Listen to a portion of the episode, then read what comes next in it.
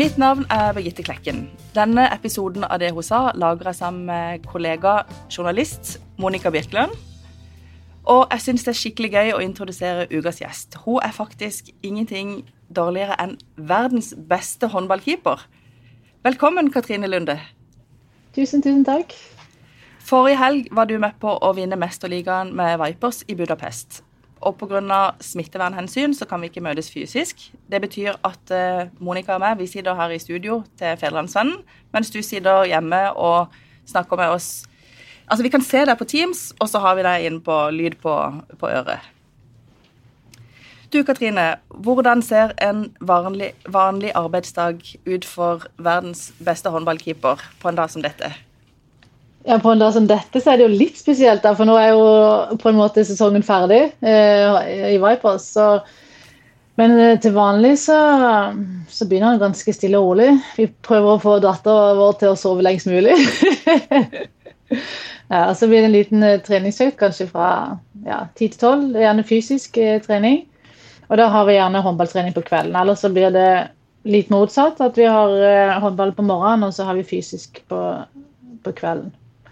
Så mellom slagene så er det slappe av, spise god mat.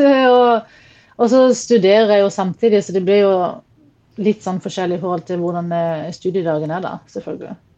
Men er det sånn at du innimellom unner deg noen dager hvor du ikke gjør noen ting? Sånn som nå da, når du akkurat er ferdig med en stor prestasjon. Eller er det bare rett på igjen? Eh, jeg er jo kanskje veldig flink til å unne meg litt gode dager. altså, Men jeg tror det liksom er noe man lærer når man blir litt eldre. At man tar det litt mer med ro. og at uh, man har litt mer erfaring eh, og litt mer kjøtt på beina. At uh, man kan ta de roene ro når man trenger. Så jeg, har, jeg tar meg litt, litt, fri. Jeg gjør det. Jeg gjør det. Du, når vi snakker med folk i forkant av podkasten for å spørre litt om hvordan du er, og få litt innspill og sånn, så sier jo alle at du er ekstremt dedikert og veldig målretta. Og det må du jo selvfølgelig være når du er toppidrettsutøver. Men betyr det at hver dag er nøye planlagt, sånn at når du våkner om morgenen, så vet du akkurat hva du skal gjøre til hvilket tidspunkt? Eller er det sånn at du bare vet at dagen innom, må liksom inneholde en dose trening, en dose familie og litt sånn, og så tar du det litt som det kommer? Ja, det er akkurat, akkurat det der som er liksom litt sånn vanskelig å svare på. for at uh, hver uke er veldig forskjellig for min del. Har du to kamper, har du ingen kamper. Så det blir sånn man prøver å legge en plan. Eh, en plan blir kanskje ikke lagt så veldig lenge før, men jeg vet jo gjerne uker før hva jeg skal ha neste uke. Eh, men så blir det jo Jeg vet alltid hva jeg skal trene, men mellom treningene så, så er det ganske fritt, egentlig. Sånn, sånn sett så lever jeg jo avslappa, på en måte. Sånn at eh, når jeg har fokus, så er det egentlig bare mest akkurat når jeg er på treningene. Men hva gjør du når du slapper av, da? Da, sofaen er min beste venn. Nei, men, eh, men, jeg er jo flink til å slappe av. Og det har jeg egentlig alltid vært, og det tror jeg er litt viktig òg som idrettsutøver. Så det, jeg liker å sitte på sofaen og se på serier. Det må jeg ærlig innrømme. Sove lenge. Eh, men det, det, står tidlig opp når jeg har en datter som skal opp. Som står opp klokka syv. Eh, men jeg prøver å legge meg tidlig, og restitusjon er jo en viktig del av hele greia for å få litt mindre skader og være klar på trening. Så normalt eh, Nå er eksamene mine ferdig, men eh, i det siste, sånn april og mai, så blir jo dagene brukt til trening på morgenen. Og så kommer jeg hjem og leser og studerer. Og så er det trening på kvelden igjen. Og etter eh, jeg kommer hjem fra trening, så, så er det avslapping igjen før jeg legger meg. Du, er En av de andre gjestene vi hadde, um, Katrine her, hun er redaktør i Agderposten, hun sa at det var så viktig for henne å være i noen miljø der uh, de hun var sammen med, ikke var opptatt av det samme som hun.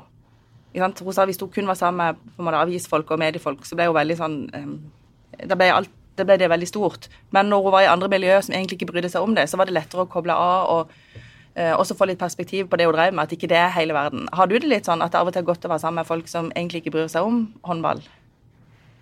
Ja, men det er egentlig veldig vanskelig for meg. Eller egentlig for mange idrettsutøvere. Jeg tenker, eller sånn som er da vi et lag, en lagsport. Og vi på laget, altså vi er jo utrolig gode venner. Så det blir jo sånn ok, når vi er på trening eh, og viktige ting skjer, så er det veldig mye fokus på, på håndball. Men ellers så så er det liksom vennene. Så du, du, kommer fort over på andre temaer som ikke inneholder håndball. Så jeg synes jo egentlig, altså Mine beste venner de har jeg jo gjennom håndballen. Alle sammen, nesten. Så det er kanskje litt annerledes enn i vanlig arbeidsliv. For da er liksom, ok, da skal du jobbe den perioden, mens vi kan jo være sammen 24 timer i døgnet. Så på den måten der så er vi jo litt flinkere til å koble av. og og det er jo noe av det viktigste, eksempel Tore Hergersen og Marit Breivik, som hadde landslaget før, da. De jobber ekstremt mye på å lære å ha på- og av-knapp. Sånn at du vet ok, nå skal den knappen være på, nå skal vi ha på. Og så nå skal vi slå av på knappen. Nå skal vi være av. Så det er jo en, eh, en kjempeviktig del. For jeg forstår det hvis man er inne i fokus eh, hele tida, så det klarer man jo ikke å holde over lengre tid. Og da blir man kanskje fort lei vanskelig å få god input av andre hvis man hele tida skal være fullfokusert. Så, så det er jo en veldig viktig del, akkurat det hun sier. Men den av- og på-knappen får jeg gjennom mine venner òg. Men, men, klarer du å slå av? Altså, klarer du å bare være Katrine? Ja. ja. Jeg gjør det. Ja. Men jeg, jeg har jo jeg er veldig tett sammen med mine søsken, så der får jeg jo en avknapp altså det, De snakker ikke så mye med håndball med, men jeg kan også snakke håndball med spesielt da med tvillingsøster. Ja, du, Hvordan er det egentlig å ha ei tvillingsøster som er opptatt av akkurat det samme? Jeg syns jo det har vært fantastisk. jeg syns jo det. Eh, også fordi at vi er på en måte veldig forskjellige. Men vi har det samme målet veldig lenge. Men vi, vi, vi er forskjellige, og vi, vi har jo bodd sammen til vi var ja, Hvor gamle var vi? Eh, 27 ca. Så vi, vi, kaller oss jo som et gammelt ektepar. Ikke sant? Det blir sånn at du, får, du kommer inn i rutiner hvor enkelte ting er hos sin arbeidsoppgave, og noe er mitt. ikke sant? Hun er den flinke til å bake. ok, Derfor får jeg kanskje lage middag. Hun er den som skal eh, vaske der mens jeg vasker der. ikke sant? Så Det er sånn der, eh, det går bare automatisk. så det Utenom så har det gått veldig fint, og på håndballmessig så pusher vi hverandre hele tida. Du har alltid en som kan være med deg og trene fra du var liten, ikke sant. Du, når vi står opp om morgenen og vi har ja, si sommerferie og ikke har noen å trene med, så, så har du likevel ei rett ved siden av som du bare sier ja, skal vi gå og spille håndball, eller skal vi gå og ta en løpetur, så er litt klar på to minutter. Så ja, for dere har også vært uh, kolleger, kan du si, i mange år, ikke sant? Og spilt på samme ja. klubblag og, og, landslag også. Uh, hvordan er det å være kollega med noen som man er så tett på familiært også? Uh, jeg, jeg, tror egentlig det har vært veldig fint for min del, for vi vi har jo egentlig veldig vidt forskjellige roller på håndballbanen. Ikke sant? Så det blir litt sånn at vi kan uh, støtte hverandre mer enn vi skal utfordre hverandre. Det var heller litt mindre, eller mer vanskelig når vi var yngre, hvor vi kanskje skulle konkurrere litt mer. Eh, hvis det var om de samme tingene. Så det er jo vanskelig som alle andre søsken, tenker jeg. Eller som er så tette. At man konkurrerer jo om det samme, men på håndballbanen så har vi jo heller konkurrert mot et felles mål, da. Du, Dere har jo begge to drevet med håndball i årevis, egentlig hele livet. Men hvem er dere når dere ikke er um, håndball, håndballsøstre, holdt jeg på å si? Er dere, har, tar dere ut noen helt andre sider når dere er sammen, og ikke det dreier seg om en idrettsprestasjon? Jeg håper jo vi er det, altså. Men, men for å være ærlig, så Altså, man eh, en, Nå er jo det viktigste å være mamma når man er først er der. Så hvis vi ser litt bort ifra det, da, så, så er jo håndballen blitt en, en veldig stor del av den. Du blir jo forma på en måte når du har vært med på det i ja, må kanskje ikke si det for høyt, men har vært med på det i 30 år, så, så selvfølgelig så blir det en stor del av det at det, det tar jo mye plass. På godt og vondt. Det gjør jo det. Er det noe du angrer på? Nei, jeg prøver å si at det, det er ikke noe jeg angrer på, men, men jeg tar jo lærdom av mye av det. Og kanskje tenker at det skulle jeg kanskje gjort annerledes, eller uh, hvordan uh, Kan du gi noen eksempler på det? Ja, det, ja, Nå kommer jeg ikke på akkurat nå, da, men det kommer jeg sikkert på etter hvert, altså. Men sånn, du har jo kanskje gått glipp av, av, litt andre ting gjennom å være så dedikert og så opptatt av, av håndballen. Jeg tenker Når andre kanskje har hatt åpne dager, eh, også liksom i ungdommen, så har dere måttet møte på trening og planlegge kamper, tilbrakt helger i haller rundt forbi. Hva, hva, har du gått glipp av? Jeg har jo gått glipp av mye sos sosialt. Det har man jo. Eh, mye festing. Det kunne godt hende man hadde sett annerledes på, på livet. Eh, det kan godt være. Men så tenk, jeg, prøv, jeg, liksom, jeg, tenker hva som er positivt med det jeg har fått med meg, ikke tenker fryktelig negativt hva jeg ikke har fått med meg. Og det som jeg ikke har fått med meg, det Hvis jeg virkelig ville det, så vil jeg begynne en løsning på det. På en måte. Altså jeg tenker at eh, ja, jeg har ikke vært så fryktelig sosial, på en måte, hvis vi sier det sånn, men jeg flytta, til utlandet. Eh, fått opplevd utrolig mye andre altså, kulturer og væremåter som jeg kanskje ikke ville gjort hvis jeg bare har vært hjemme. Jeg vil jo egentlig tenke at jeg har vært en litt sånn lukka eh, personer har vært hjemme og tenkt liksom nei, det trenger jeg ikke å bry meg om. Jeg trenger ikke å bli kjent med de menneskene. jeg trenger ikke å Eller hvorfor handler de sånn? Hvorfor handler de ikke sånn som, sånn som jeg gjør? Ikke sant? Men når du hele tida kommer i nye miljøer, nye land, nye kulturer, så føler jeg at jeg er blitt mer åpen. Og det er jeg kjempeglad for. At jeg, jeg tar lettere til meg mennesker nå enn det jeg gjorde før. Eh, eh, jeg ser ikke bare at det, min vei er den riktige veien, på en måte. Eh, er det noen spesielle steder du har vært som har gjort eh, inntrykk sånn sett? Det, det er jo flere. Jeg føler egentlig altså, jo lenger bort man kommer fra Norge, jo andre kulturer blir det jo. Eh, jeg har jo også en, en samboer min er jo fra Serbia, så det, på en måte så har jeg jo åpna meg på den måten at det er med andre kulturer. og eh, Mange ganger så får man jo kanskje har man et spesielt inntrykk av andre La oss si Russland, da. Man har jo Jeg bodde der i to år før jeg flyttet tilbake til Norge. Og eh, har jo hatt et syn på, på russere liksom, Hvorfor handler de som de gjør? Men når man kommer inn i de sin kultur og blir en litt mer del av det, så får man en mer bakgrunn for uh, hvorfor, hvorfor, de tenker sånn. Så blir man liksom tenkende sjøl og ja, det jeg gjør eh, Nå kan jeg se det fra mitt ståsted, og kan jeg se det fra de sitt ståsted. Og så må man prøve kanskje bare danne seg en ny mening jo mer kunnskap man får. på en måte. Du, hva likte du med å være toppidrettsutøver i Russland? Eh, jeg, jeg, liker jo det at eh, man har jo økonomisk bra. Altså sånn, man, man, kan kun ha fokus på det, eh, på å spille håndball. Man trenger ikke å tenke på noe særlig utdanning eller noe, noe å jobbe ved siden av. Mannen vil med meg, og jeg fikk eh, Min datter hun lærte jo både serbisk og litt russisk og engelsk, og, selv om hun var bitte liten, da. Men man får jo lært mye som man ikke ville gjort andre steder. Men det å være kvinne, um, er det altså, og kvinnelig toppidrettsutøver igjen, jeg bruker det ordet hele tida. Mm. Men det, er det veldig forskjellig fra land til land? Ja, helt klart. Helt klart. Det er faktisk kanskje noe av det man ser uh, veldig godt. Man tenker at shit, vi har det godt i Norge. Vi er kommet et stykke lenger, i hvert fall når det gjelder uh, kvinne- og mann-forhold. Eh, hvem som skal være sjefene, hvem som skal ta de beslutningene, og, hvilke rettigheter du har, og hvordan du står inn på en måte i, i rangstigen. Men Ble du utfordra på det noen ganger, sånn at du kjente at det var vanskelig?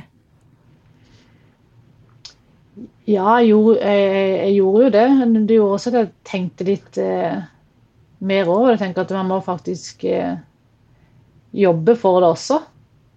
Eh, for at det skal bli bedre. Ikke bare i Norge òg, men også at det, det, det, er veldig vanskelig å ta tak i det når man bor i et annet land hvor man ikke snakker språket òg.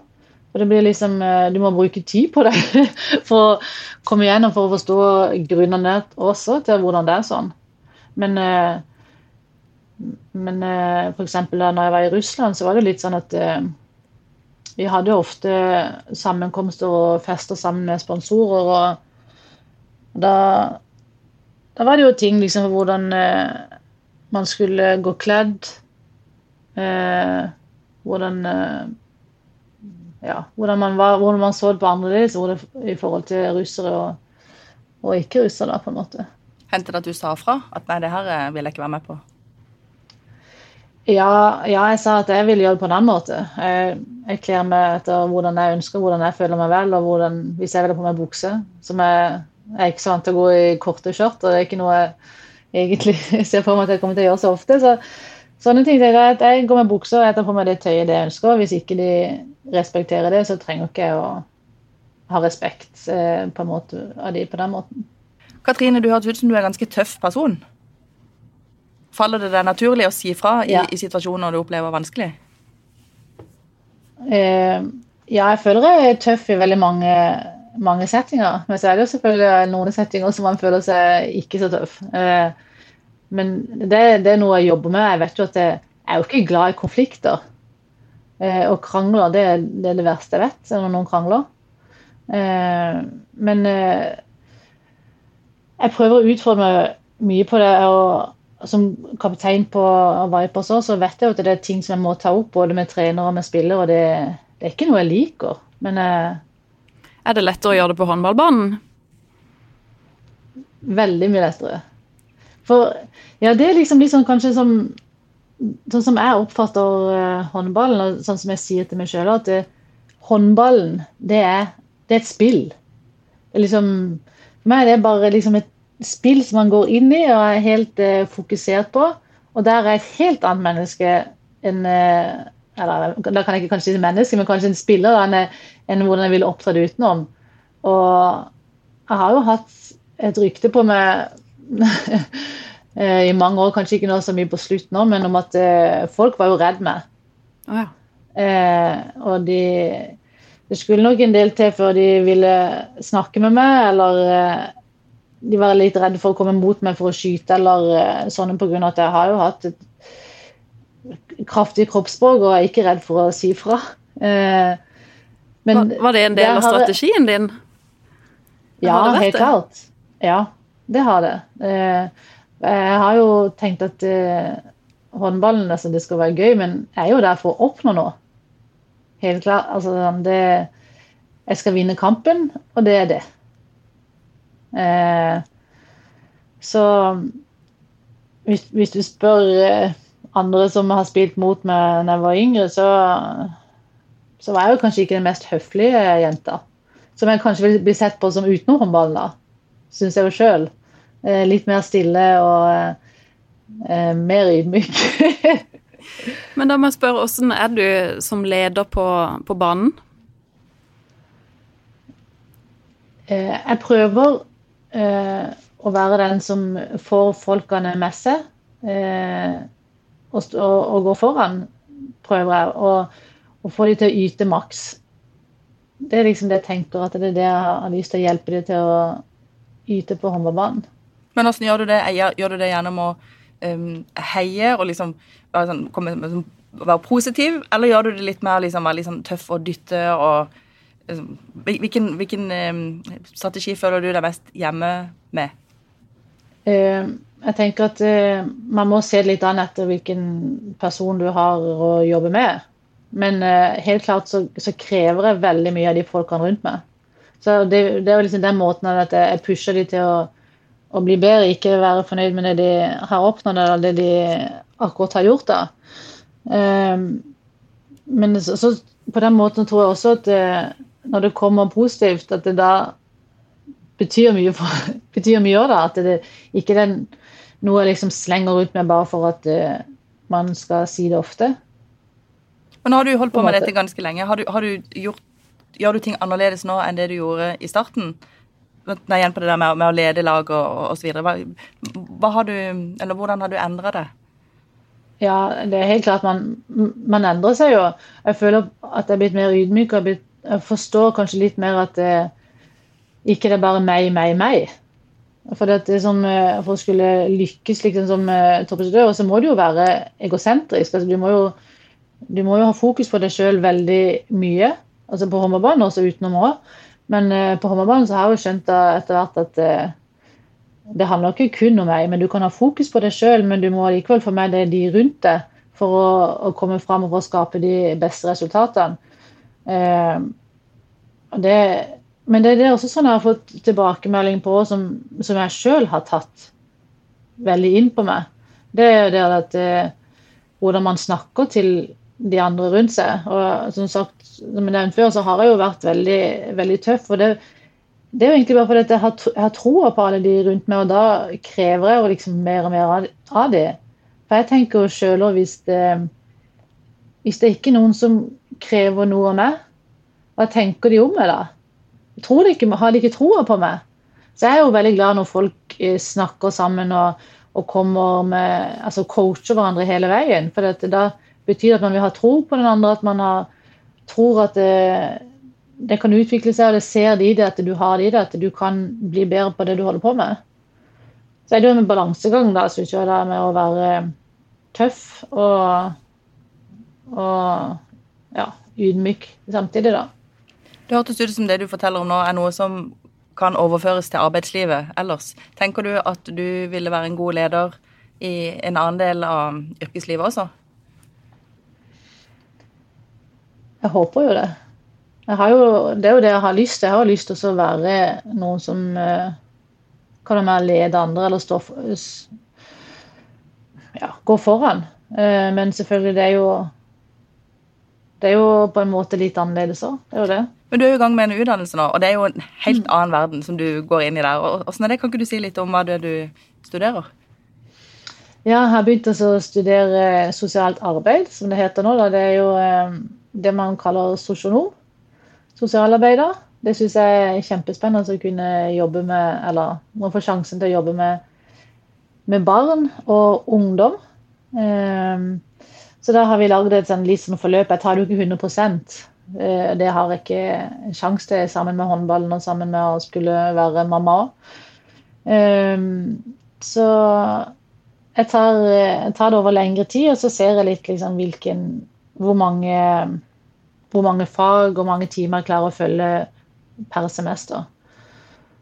Så eh, jeg er godt i gang med det. Det tar tid, det gjør det. Jeg er jo ikke så glad i å sette meg ned og lese jevnt, så det blir jo ofte litt sånn der eh, litt skippertak der, det må jeg innrømme. Når man har, det må liksom flettes inn sammen med, med håndballen, for håndballen er pri én når jeg har jobb der eller kontrakt der, på en måte. Det er sikkert veldig mange som har spurt om akkurat det her, men hvor lenge tror du at du fortsetter um, som toppidrettsutøver i ja. håndball? Jeg syns det er fryktelig vanskelig å svare på. for Jeg husker jo før når jeg var ung, så tenkte jeg noen eh, Det var spesielt eh, en rumensk målvakt som, eh, som, jeg følte var så gammel. Hun der ha vært god, da. Men så hun fortsatte jo. Så hun, jeg tenkte Nei, nå må hun gi seg, hun der. Men jeg, jeg tipper hun var mye yngre enn det er nå. Så det, at, eh, det er jo på tida, men det er fryktelig vanskelig å legge det fra seg.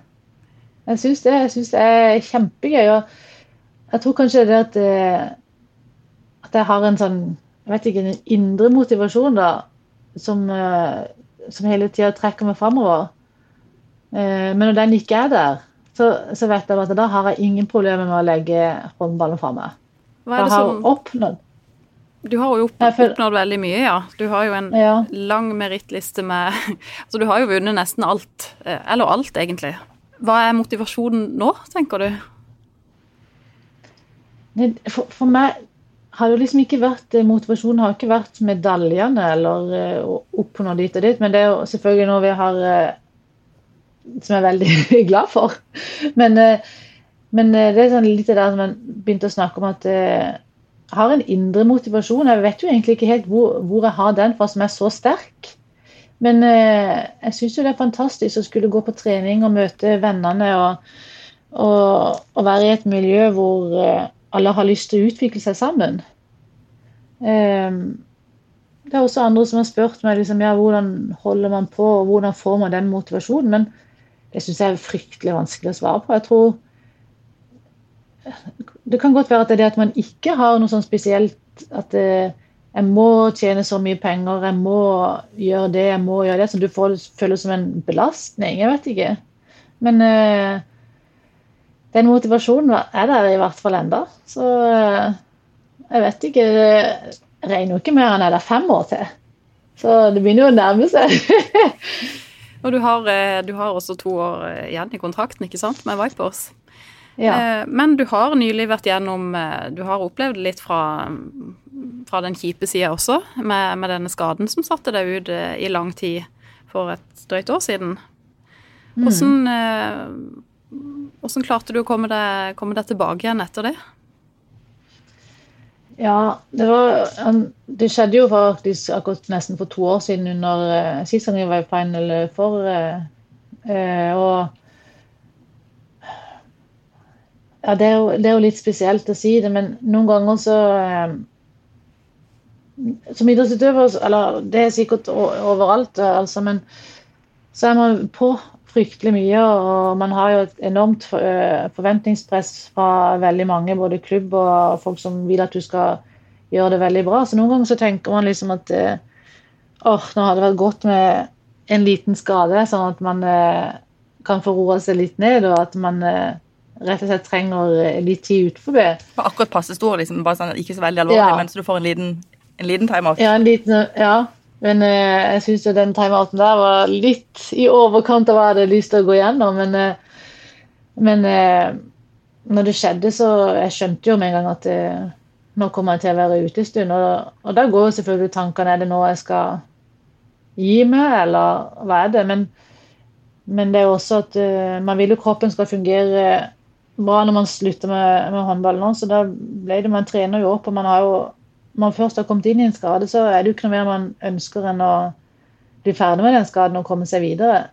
Eh, men eh, det var tøft. Det ble jo eh, tre, tre operasjoner og lite framgang, og da, da, er det tungt. Så det er jo selvfølgelig perioder hvor man ikke gjorde all treninga som man skulle, og man tenkte kommer jeg noen gang til å komme tilbake igjen.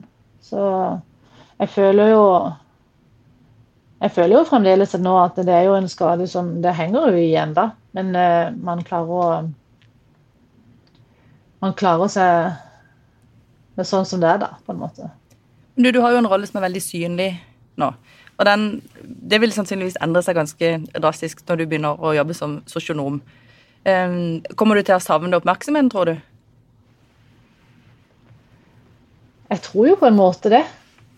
Men så må man, man må finne det på en annen måte, eller uh, ha fokus et annet sted. Da. Men selvfølgelig, det er, jo, det er jo ikke så mye som er bedre enn å spille gode kamper og få masse oppmerksomhet. Det må jeg jo ærlig, ærlig innrømme. Det. Det, er jo, det er jo kjempegøy.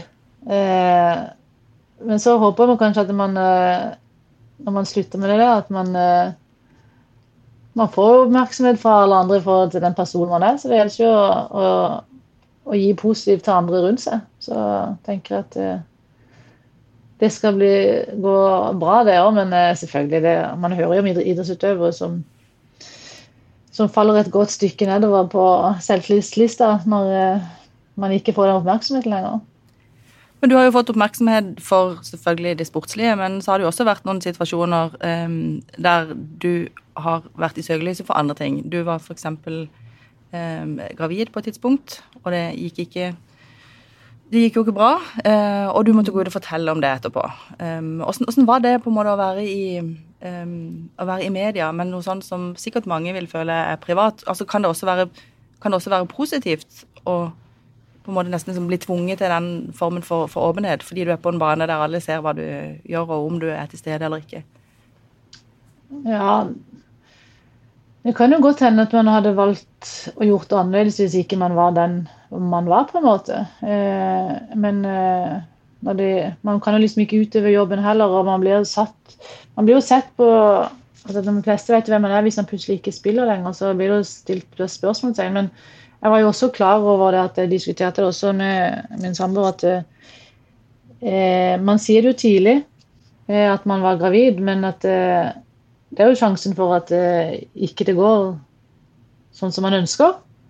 Eh, og at da måtte man jo bare ta det for seg. Men, men det er jo litt den der med at eh, Går det ikke sånn man ønsker, og sånn som det gjorde, da, så er det jo, det er jo fryktelig, fryktelig tøft. Men man kan jo liksom ikke gjøre så mye med det. Jeg har jo ikke eh, jeg, tar jo liksom ikke personlig til meg at jeg har gjort noe galt. Jeg tenker det er viktig at det, at man kan være litt åpen om det, at det, det kan skje fryktelige ting òg, men det gir jo, det gir jo folk en, de gir jo folk en anledning også til også å støtte. Som de ikke kunne, altså Du kunne jo ikke fått den støtten hvis ikke folk hadde visst om det. Fikk, fikk, du gode tilbakemeldinger, eller fikk du positive tilbakemeldinger på at du var såpass åpen? Ja, virkelig. Og det, du, du, får da liksom hørt hvor utrolig mange som har vært gjennom akkurat det samme. Så du tenker oi, ja, du det, du har, jeg har hatt fire ganger med det, ja, eller Ikke sant. Så det, det er enormt støtte. Altså, det, det er helt eh, det er helt rått. Man blir jo helt eh, rørt av folk som, eh, som åpner seg opp på den måten. Og jeg er jo kjempeglad sjøl for at jeg var åpen om det. Jeg tenker En, en sånn en sorg jeg tenker det, også det kan jo bli tyngre og tyngre hvor lenger man kommer ut i graviditeten. Men selv for meg som ikke var så langt, så er det jo Man får jo en sorg å skulle bare sitte inne med den sjøl. Alene. Det må jo være mye tyngre. Eh, tenker jeg i hvert fall. Selvfølgelig, Man trenger ikke å skrive, skrive i aviser eller legge det på TV, sånn sett, men, men at folk vet folk rundt deg vet hva som du går gjennom, tenker jeg må bare være eh, positivt. Ja. Så for det ble det en god erfaring å være åpen? Ja. Mm. ja. For det, jeg har jo egentlig alltid eh, jeg veldig, har alltid vært veldig lite åpen med eh, pressen.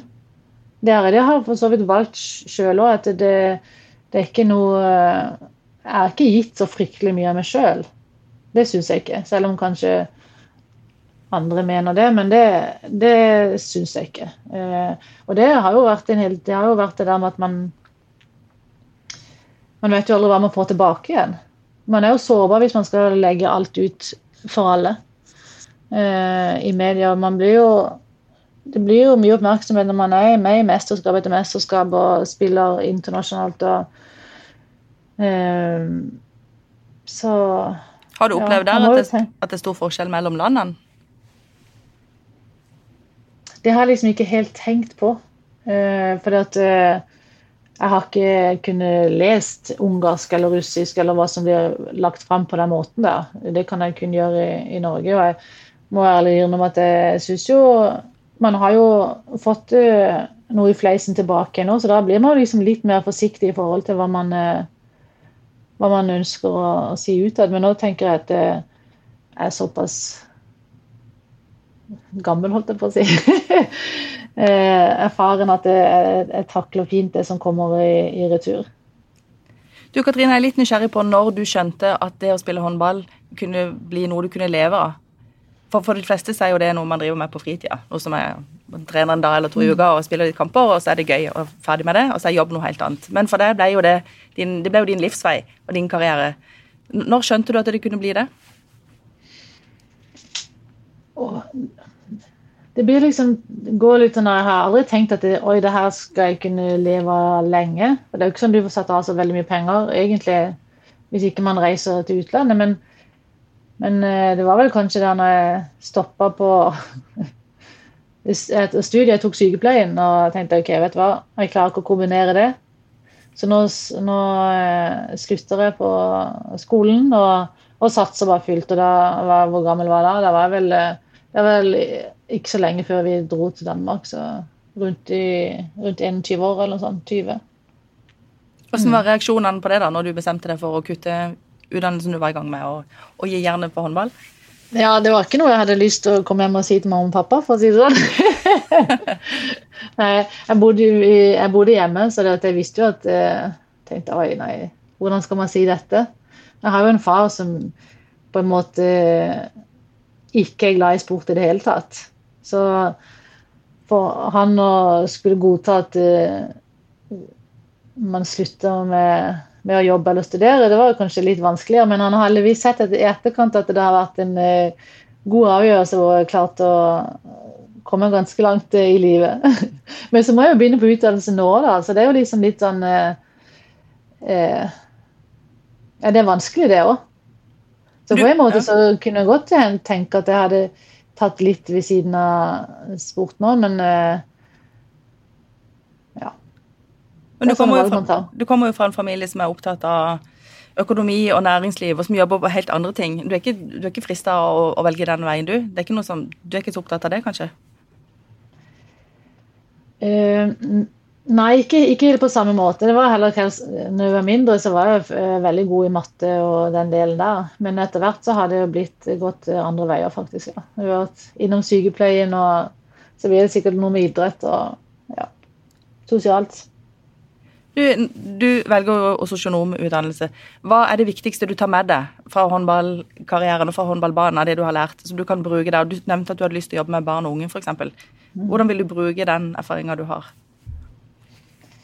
Men jeg tenker at jeg har eh, opplevd eh, mange forskjellige mennesker. At man må ta hverandre på, på ulike måter. Eh, og man er på ulike faser. At man, hvordan man tolker kanskje, kanskje andre mennesker. Og så tenker jeg at at det der med at man er sammen og har det bra sammen uansett om man er forskjellige. Men du sa i stad at du kunne være litt tøff. Og du sjøl er jo ekstremt dedikert og, og, jobber hardt for ting. Klarer du å sette deg inn i hodet til noen som ikke har det sånn? Som ikke har den samme motivasjonen eller driven, eller kanskje ikke helt har det i seg? Jeg håper jo det. Jeg tror jo egentlig det, for jeg vet jo sjøl at jeg er veldig ekstrem på mine ting. Jeg vet jo at folk kan være helt motsatt eller ikke. Eh, men jeg tenker òg at alle har noen ting som de har lyst til å mestre. Så det er hele tida finne mestringsfølelsen, uansett hva det skulle være. Om det skulle være å eh, gå på skolen litt, da. Altså komme et, steg, et lite steg videre der man har lyst til å oppnå. For de fleste har noen drømmer som de har lyst til å komme litt nærmere, i hvert fall. Du, hvis du skal dele noen råd basert på den erfaringen du har på håndballbanen og i livet, hva mm. vil du, hva vil du dele da? Jeg tenker kanskje dere tørre tør å ta sjanser. Tørre å prøve noe nytt. Eh, jeg tenker litt der at man eh, Man må ikke være redd for å feile. Istedenfor å ikke tørre å ta det steget og prøve. Jeg tenkte sånn at hvis det Når jeg flytta til Ungarn og Ja, jeg prøver meg til Ungarn. Jeg vet at det er gode, gode folk der. Og, men hvis de lykkes og kommer tilbake til Norge, f.eks. Det er jo ikke noe som Det er jo ikke noe galt i det. Jeg tenker det må heller tørre å prøve, og prøve noe nytt. Eh, og se hvordan man kan utvikle seg i et, eh, i et nytt miljø. Men du, akkurat det der med feile, Har du sjøl opplevd noen ganger at du virkelig har feila? Og at det har vært en sånn ordentlig kjip følelse?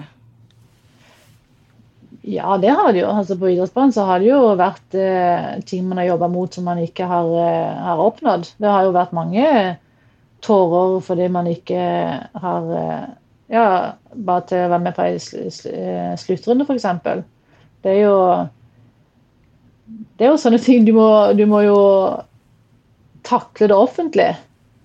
Altså, folk spør deg hvorfor er du ikke, hvorfor er du ikke tatt med ut der, hva er det du har gjort galt, hva skulle du gjort annerledes, eh, er det et fryktelig nedtur for deg? Du får det jo rett i fleisen når du er på det mest sårbare. Så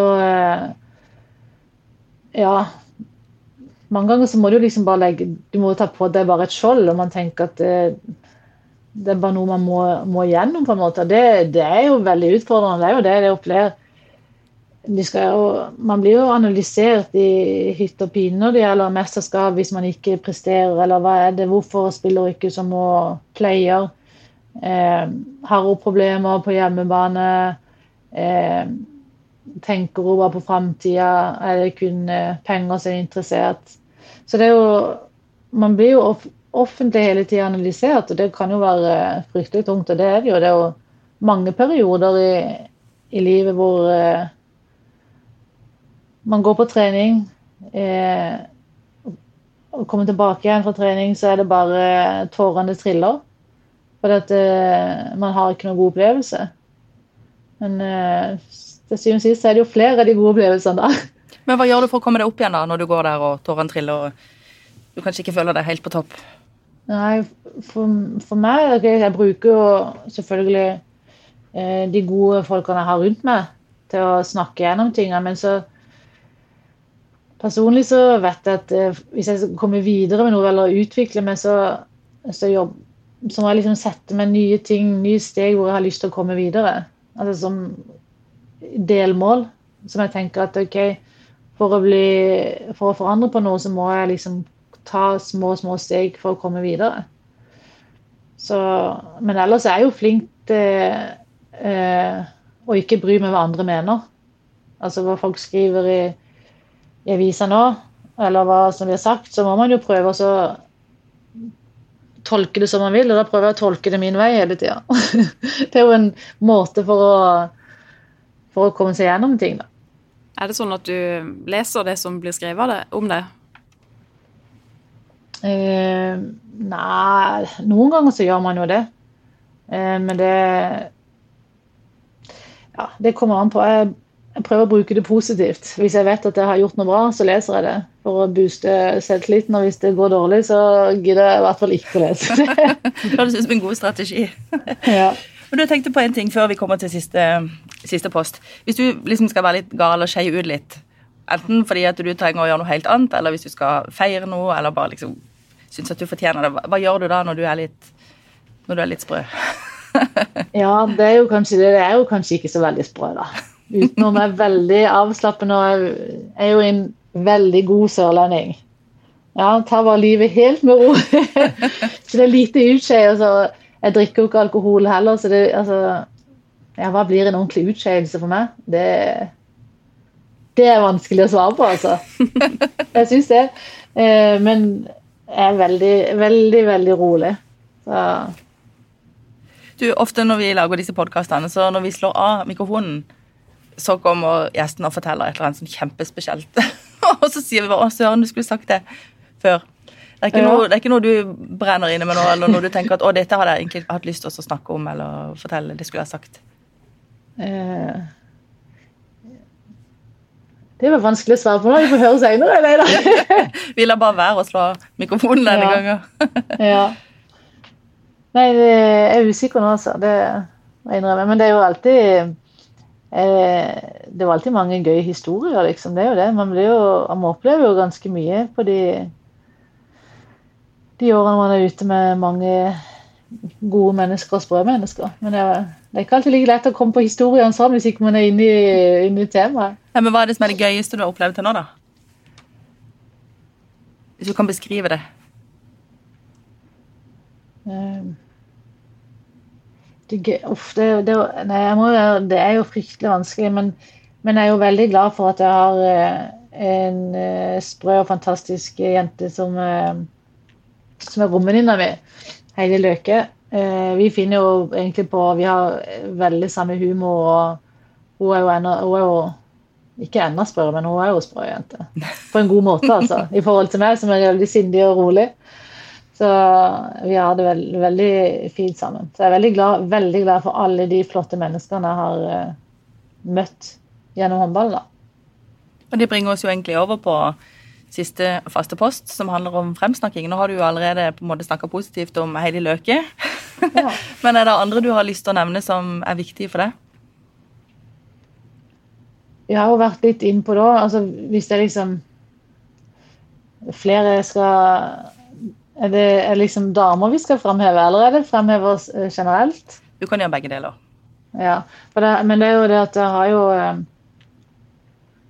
eh, Kikki, min tvillingsøster, vil jeg jo liksom framheve. Hun har vært der hele tida for meg.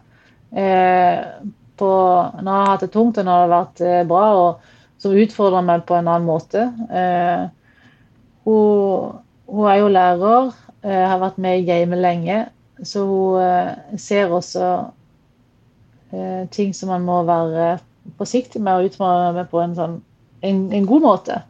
Også når det gjelder, gjelder trening. Eh, og så er hun da veldig god som en venninne. Mm. Andre du vil nevne?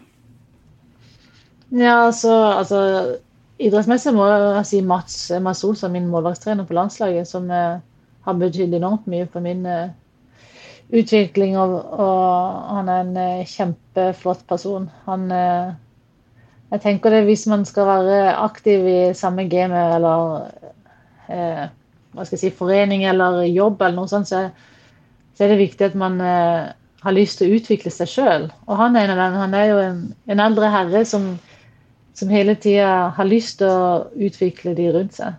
Og eh, ikke redd for å ta til seg ressurser.